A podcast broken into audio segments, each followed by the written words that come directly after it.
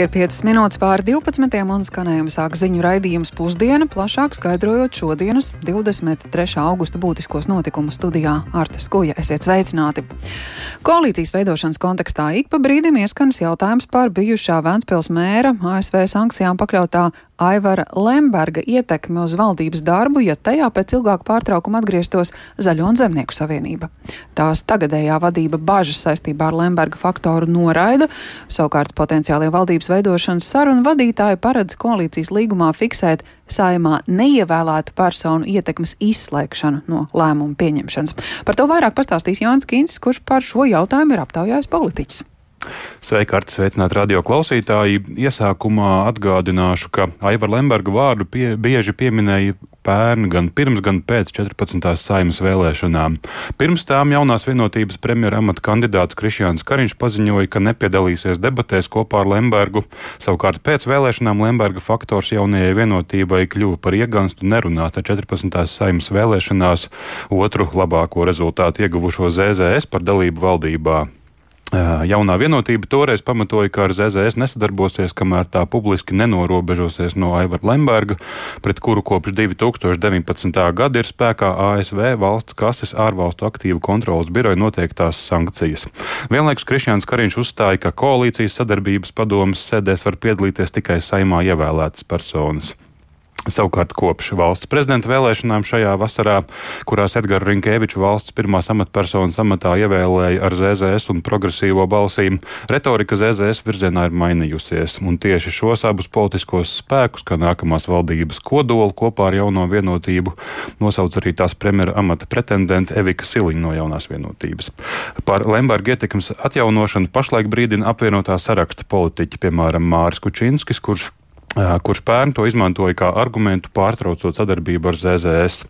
Savukārt Latvijas radio papildu uzmanību Lemberga lomas aspektam pievērsa viņš pats, jo politiķis ir sagatavojis iebildumu vēstuli par žurnālistu diskusijā raidījumā Krustpunktā izskanējušo par ZZS līdzdalību par uh, grūtībām izglītības jomā, un šo vēstuli Lembergs ir parakstījis kā ZZS premjera amata kandidāts. Un, Partija apvienība no Vanspils mēra amata atbrīvoto Lembergu par premjera amata kandidātu izvirzīja pērnvasarī gatavojoties 14. saimnes vēlēšanām.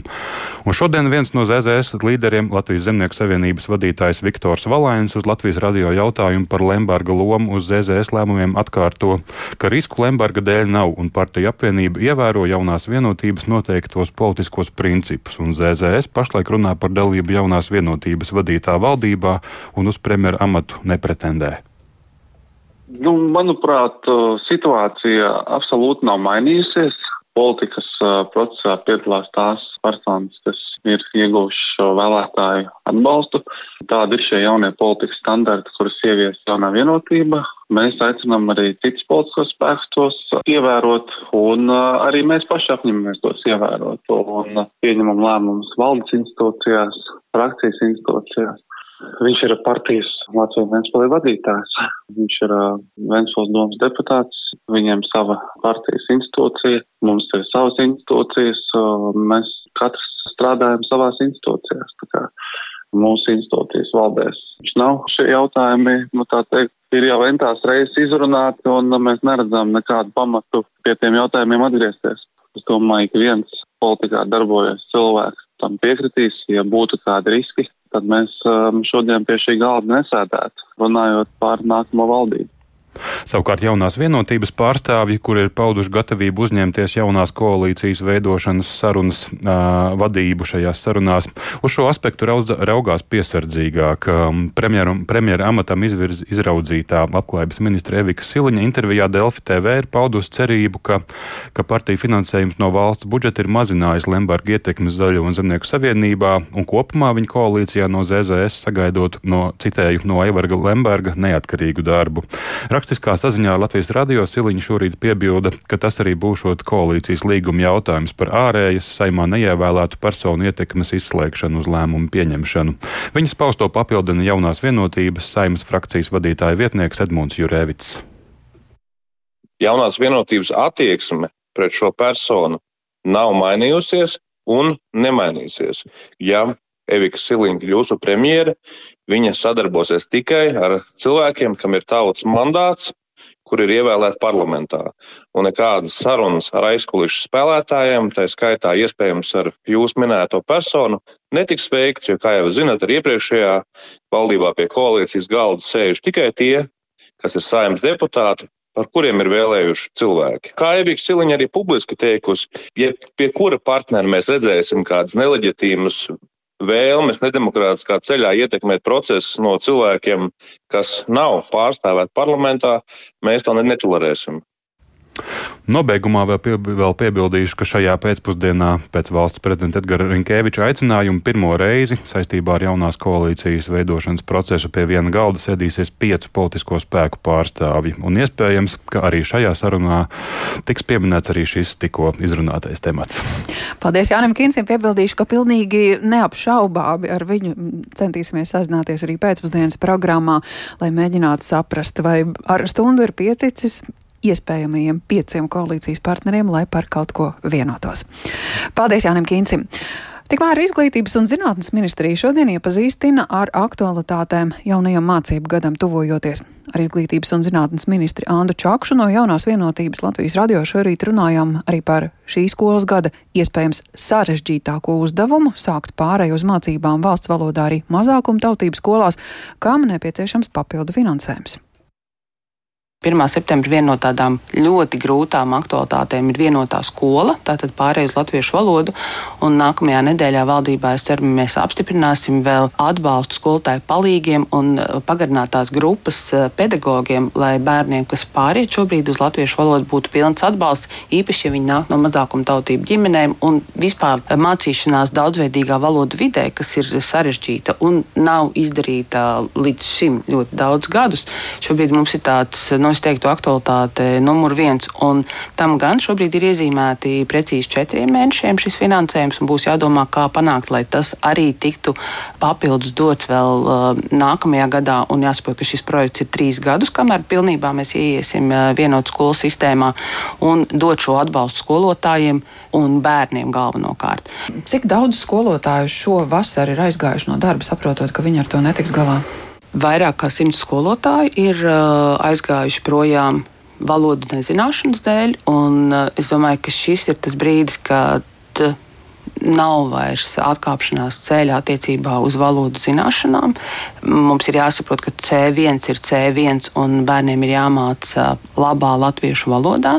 Tā ir viena no problēmām, ko es šobrīd redzu. Nu, nepietiekams atbalsts iepriekšējos gados, tādēļ šobrīd ir uh, gan nometnes skolotājiem bijušas, gan arī bērniem sagatavojoties uh, skolai. Tāpat tās pašvaldībām ir doti līdzekļi, lai veidotu vēl dažādus atbalsta rīkus tieši skolotājiem uzlabot valodu zināšanas, un vairāk kā 700 skolotāji ir pieteikušies šādām valodu uzlabošanas mācībām. Mēs turpināsim monitorēt, jo nu, ministrijas atbildība vairāk ir veidot lielo sistēmu, bet uh, izglītības kvalitātes dienas dodas pārbaudēs, un šī atbildība uz vietas organizēt darbu ir pašvaldībās kopā ar izglītības pārvaldi, kopā ar skolu direktoru. Jau nu, likums ir pieņemts pagājušā gada septembrī tas nebija jaunums. Visiem bija skaidrs, ka no šī gada 1. septembra pirmskola 1, 4 un 7 klase sāks savu darbu latviešu valodā. Ir skolas, kas ir ļoti labi tam sagatavojušās, un ir skolas, kur ir daudz sliktāki rezultāti. Tas ir skolas, uz kurām izglītības uh, kvalitātes dienests neies, lai ja nu izrādās, ka tā sistēma mazliet klibo, ja izrādās, ka klasē arī skolēnu zināšanas, valsts valodas zināšanas noteikti būs atšķirīgas. Absolūti, noteikti būs atšķirīgs, un tādēļ mēs runājam par šo atbalsta mehānismu, kur skolotājiem ir arī skolotāju palīgs, lai ar dažādiem skolotājiem var strādāt. Absolūti noteikti ies pārbaudē, jo mums ir svarīgi, ka bērnam tiek iedotas vajadzīgās zināšanas. Un te ir jautājums vairāk par to, kāds, nu, ja tā var teikt, desants nāks palīgā eh, strādāt ar šiem bērniem. Mums ir mentori mentoru programmu izveidot, kur mazākuma tautība padome uh, no saviem skolu uh, direktoriem izveidojas, kā skolām vēl iedot atbalstu, kas jādara, kā veidot šo vidi. Jo mēs redzam, kur skolas direktors ir atbildīgi piegājušai situācijai. Situācija ir daudz labāka. Uh, atšķirībā no skolām, kur, teiksim, iespējams, gan izglītības pārvalde kopā ar direktoru nav meklējusi risinājumus laicīgi. trīs smagās pašvaldības ir Daugopils, Rēzekne, Rīga. Rīgā, es teiktu, ļoti aktīvi strādā pie šīs programmas un lēni, bet uh, procesi norit uz priekšu. Visgrūtāk, es teiktu, man tā sajūta ir par Daugopilu un Rēzekni. Arī tajā vēlmē izdarīt šos darbus. Te varbūt vairs nav tik daudz tās par spēju atrast, bet par arī tādu lojalitāti valstī un, un domāšanu par to, kā mēs tiešām pāriesim uz vienotu skolu un uh, runāsim valsts valodā. Tā izglītības un zinātnes ministre Anna Čakša no jaunās vienotības. Bet kā tikt galā ar finanšu krīzi Rēzeknē? Saimas Latgales apakškomisijas sēdē Rēzeknas pilsētas domas deputāte Ināra Groce šodien paziņojusi, ka pēc nedēļas 29. augustā ārkārtas sēdē domas deputāti lems par finanšu stabilizācijas procesa sākšanu. Tāds esot mēra nodoms. Finanšu stabilizācijas process nozīmē, ka pašvaldība nevarēs patstāvīgi pieņemt lēmumus bez ministrijas finanšu uzrauga akcepta. Tikmēr jau šo pēcpusdienu pēc vides aizsardzības un reģionālās attīstības ministra Māra Sprindžuka ierosinājuma sasaukta Rezeknas domas ārkārtas sēde, kurā deputāti ziņos par rīcību finanšu situācijas atrisināšanai. Esam jau stāstījuši, ka pilsētas budžetā izveidojies nepilnus 4 miljonus eiro liels deficīts un pašvaldība izstrādājusi plānu, kā pārvarēt finanšu krīzi, taču finanšu ministrija to izvērtējot secinājusi, nav pārliecības, ka Rezekna spēs pildīt uzņemtās finanšu saistības. Lūko par sasaukto ārkārtas sēdi šorīt Latvijas radio sacīja vides aizsardzības un reģionālās attīstības ministrs Māris Sprindžuks no apvienotā saraksta. Mērķis ir uzklausīt deputātus, lai saprastu, nu, kā šāda situācija ir veidojusies, kas ir bijuši cēloņi un kā tiek vadīts budžets pašvaldībā. Jo taisnība, tas, ko mēs redzam, jo dziļāk mežā, jo vairāk malkas, tā tad uh, pavākot diedziņu, diemžēl tā vīlīt izīst. Tad uh, ir redzama diezgan liela nekārtība finansēs. Un pat ja tagad uh, Reizekne tiešām sāk sūtīt savus piedāvājumus, kā viņi varētu stabilizēt, vienalga parādās ļoti daudz jautājumu, kā ir sastādīts budžets, kādi bijuši pieņēmumi, kāpēc ir tik liela līdzekļu nepietiekamība. Viņiem šobrīd jau neizpildās divi faktori. Viņi nespēja sekt uh, tekošās saistības, un arī aizdevums slieksnis tūlīt jau ar nākamo gadu pārsniegs 20% no budžeta, kas nozīmē, nu, tā ir jau tāda sarkanā lampiņa finanšu stabilizācija. Tad pašvaldībai ir jāveic ļoti sarežģīti, nopietni lēmumi, lai sakārtotu savas finanses un Ministrs kabinets tiešām ļoti uzmanīgi vēros, eh, kā viņi to dara. Teiksim, tā viņa ir uzmanības lokā, jo tas, ko mēs tiešām rūpēsimies, ir, lai nodrošinātu, ka pedagoģi saņem augstus, ka skolas ir apsildītas, ka pašvaldības funkcijas tiek pildītas. Šobrīd tā tad eh, paralēli notiek vairāk procesu. Tātad eh, viens, ko veids pašvaldība, viņi gatavo savu nu, finanšu sanācijas plānu, teiksim, paralēli valsts kontrole veiks padziļinātu finanšu revīziju kas notiek ar finanšu vadību, tiesiskumu, lēmumiem un tam līdzīgi. Un tas notiek paralēli, un tur cieši arī lokus pūsturēs gan finanšu ministrija, gan varams. Un tas mums ļaus saprast, eh, vai tiešām tas ir neparedzami apstākļi, vai tās ir kaut kādas apzinātas rīcības, vai tur ir vai nav likuma pārkāpums. Un izrietoši tad mēs jau varam secināt eh, par intervencijām vai, vai ir jāvajadzīgs aizdevums, vai, vai tur ir kaut kādas lielākas, dziļākas problēmas, kas ir likuma pārkāpumi, kur jāmeklē kādas vai domas atbildība vai kādas amatpersonas atbildība, un attiecīgi tad arī jārīkojas. Tik tālu vidas aizsardzības un reģionālās attīstības ministrs Māris Sprindžuks no apvienotā saraksta atgādināšu, kāpēc viņa ierosinājuma šo pēcpusdienu ir sasaukta Rēzeknes domas ārkārtas sēde.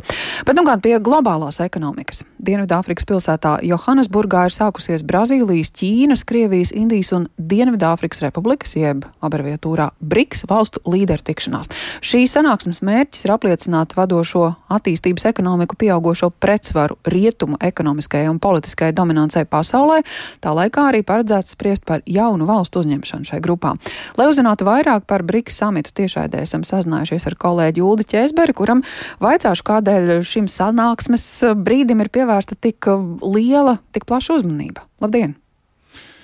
Jā, labdien! Nu, vienkārša atbilde uz tavu jautājumu būtu tāda, ka BRICS grupu var uzskatīt par globāli pietiekami nozīmīgu, lai gan jāsaka, ka tas galvenokārt ir saistīts tieši ar Ķīnas ekonomisko un arī politisko ietekmi pasaulē, un arī Indijas nozīme globālajā ekonomikā arvien pieauga.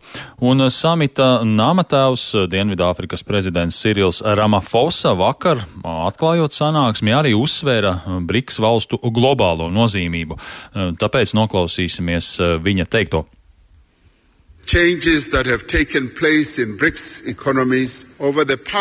Pēdējo desmit gadu laikā Brits valstu ekonomiskās pārmaiņas lielā mērā ir mainījušas pasaules ekonomikas veidolu.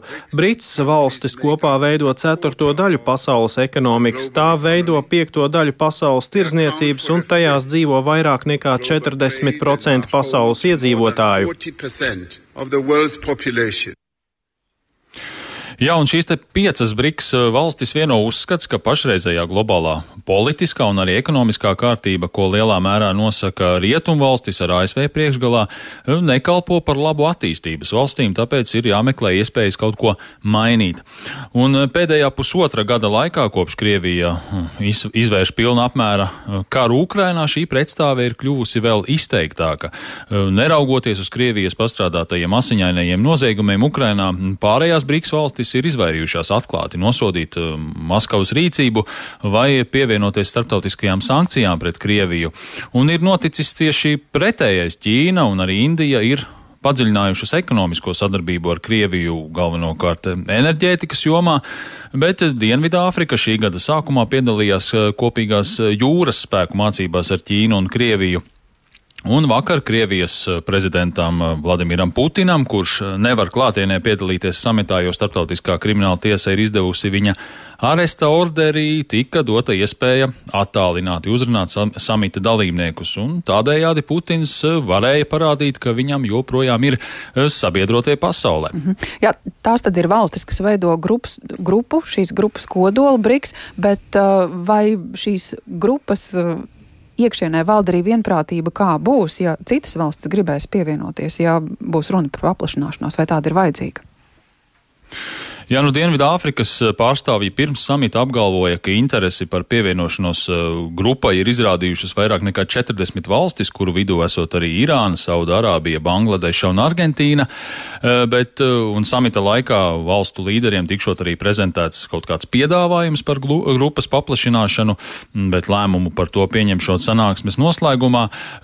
Vislielākā interese par BRICS paplašināšanu ir Ķīnai, jo Pekina uzskata, ka tas ļaus palielināt grupas ietekmi pasaulē. Nu, tā norādīja Vašingtonas domnīcas strateģisko un starptautisko pētījumu centrs eksperts Rajans Bergs, kura teikto lūkšu atskaņot.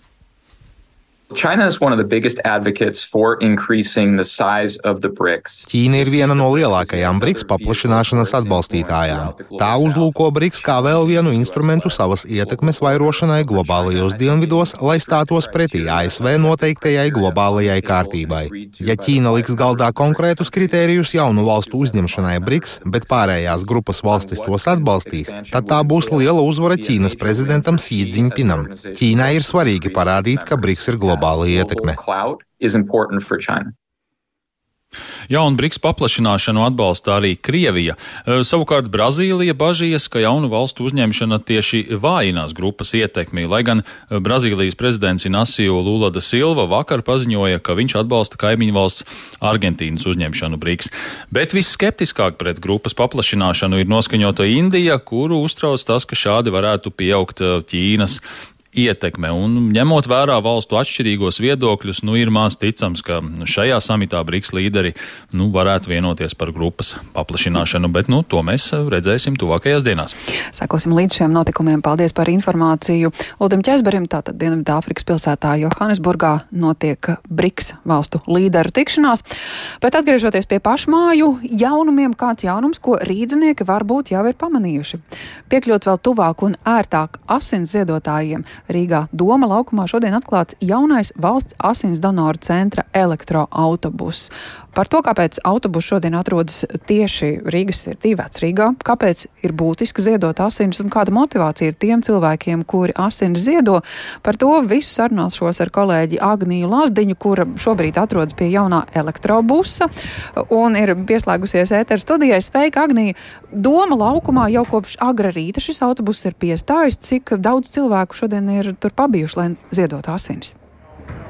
Labdien! Nu, bū, ir diezgan grūti izskaidrot, cik daudz jau ir ieradušies, bet, piemēram, jau šobrīd tur ir izveidojusies gandrīz desmit cilvēku gara rinda, jo rinda ir diezgan raita, līdz ar to tā plūsma ir mainīga. Taču jau pašā rīta agrumā, kad jauno autobusu atklāja, cilvēki bija ieradušies nodot asinis.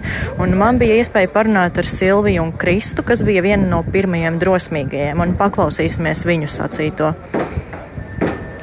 Parasti tie nodošanas punkti mākslinieks ir diezgan tādās attālās vietās, un uh, man ērtāk pirms darba ir iebraukt uh, pieņemsim šeit, nekā braukt uz kaut kādu tur gaļa ezeru un tā. Es vienkārši izdzirdēju par radio ziņām, ka ir tāda iespēja šodien atbraukt, un es domāju, pirms darba iebraukšu, un tieši ziņās dzirdēju, ka pietrūks man asins grupa, un es domāju, kāpēc gan ne. Cik bieži jūs nododat asinis? Es nododu maksimālais atļauties ir ik pēc divi mēneši nodot.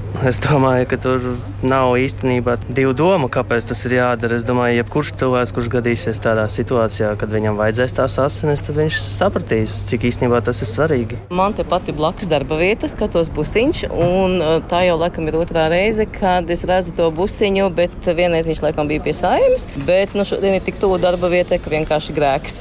Cik bieži jūs nododat asinis? Reti, reti. Šī ir vispār trešā reize. Nu, kaut kā sanāk, nu, drīzāk nesenāk, jā, varbūt tas ir tāds slinkums. Um, Bet vispār šī ir laba lieta, kad, eh, ja nenāk pie asins donoru centra, jā, tas asins donoru centrs brauc eh, pie mums. Jā, arī citi uzrunātie asins donori uzsvēra, ka tā ir lieliska iespēja pa ceļam uz darbu vai dodoties citās darīšanās nodot arī asinis.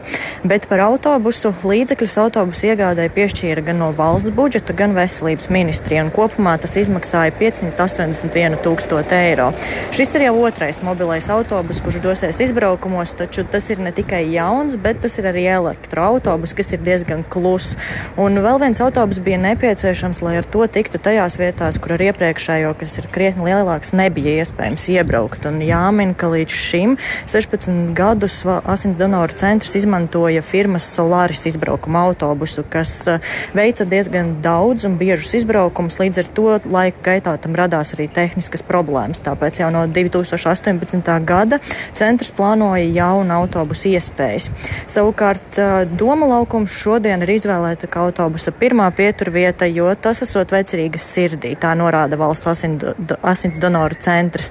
Un, kā sarunā atzina centra direktore Egita Pole, augusts tradicionāli ir atvaļinājumu laiks, kā arī cilvēki gatavojas dažādiem darbiem, kas gaidāmi rudenī. Tāpēc centrs šobrīd ļoti izjūt donoru trūkumu. Taču šie izbraukumi esot ļoti vērtīgi, jo tā um, valsts asins donoru centrs iegūs lielākos asins krājumus, kā arī tā ir iespēja vislabāk sasniegt cilvēkus, proti tikt viņiem vienkārši tuvāk, jo ir tādi, kuriem iespējams nav transporta transporta, ir darbs, kas neļauj atbrīvot laiku, lai tiktu uz Gaļazeru vai Selpils ielu, kur attiecīgi atrodas šie centri. Līdz ar to autobusu, kas dodas izbraucienos, atvieglo asins nodošanas procesu. Un par to, kuras ir tās populārākās vietas, kur autobusu dodas, paklausīsimies valsts asins donora centra direktoras Egitas Polas sacītajā. Ļoti populāri mums ir izbraukumi uz bankām, uz lieliem darba kolektīviem, arī slēgti izbraukumi uz uzņēmumiem, uz nacionāliem bruņotiem spēkiem. Arī šobrīd ļoti aktuāli mēs braucam uz šiem lielajiem biroju kopstrādes centriem, kur strādā daudz dažādu uzņēmumu. Un tad ļoti labi un pamanām ir, ka šis autobus ir iebraucis centrālā vietā, un tajā dienā viss, kas apkārt strādā, ja viņš jūtās labi un veseli, tad var nākt pievienoties un ziedot asinis. Tātad nav jātērē laiks pašam meklējot transportu vietu, pa sastrēgumiem braucot, bet var atnākt jau uz tuvāko vietu, kur var ziedot. Donors Doma laukumā gaidīs vēl līdz pat 13.00. Līdz ar to, ja kādam vēl ir laiks un iespēja un arī vēlme, tad dodieties nodot asinis, bet pēc tam var sekot līdzi informācijai centra mājaslapā, lai tad zinātu, kur tad autobus dosies tālāk. Arta. Paldies, tā Agnija Lazdiņa stāvot Doma laukumā pie valsts asins donoru centra jaunākā mobilā elektroautobusa, kurš droši vien mēros ceļu ne tikai pa galvaspilsētas ielām. Asins donoru centra mājaslapā redzam informāciju, ka rīt asinis varēs ziedot gan Rīgā pie tirzniecības centra Domina, arī Dolas tautas nams un Madonas mūzikas skola ir vieta, kur rītdien piestās asins donoru centra mediķi gaidot asins ziedotājs. Bet ar šo informāciju arī izskan redzījums pus pusdiena. Tā producente Ilze Aginta, ierakstus montēja Kaspars Groskops, par labskaņu rūpējās Mārtiņš Paeglis, ar jums sarunājās Artes Kujā. Yeah.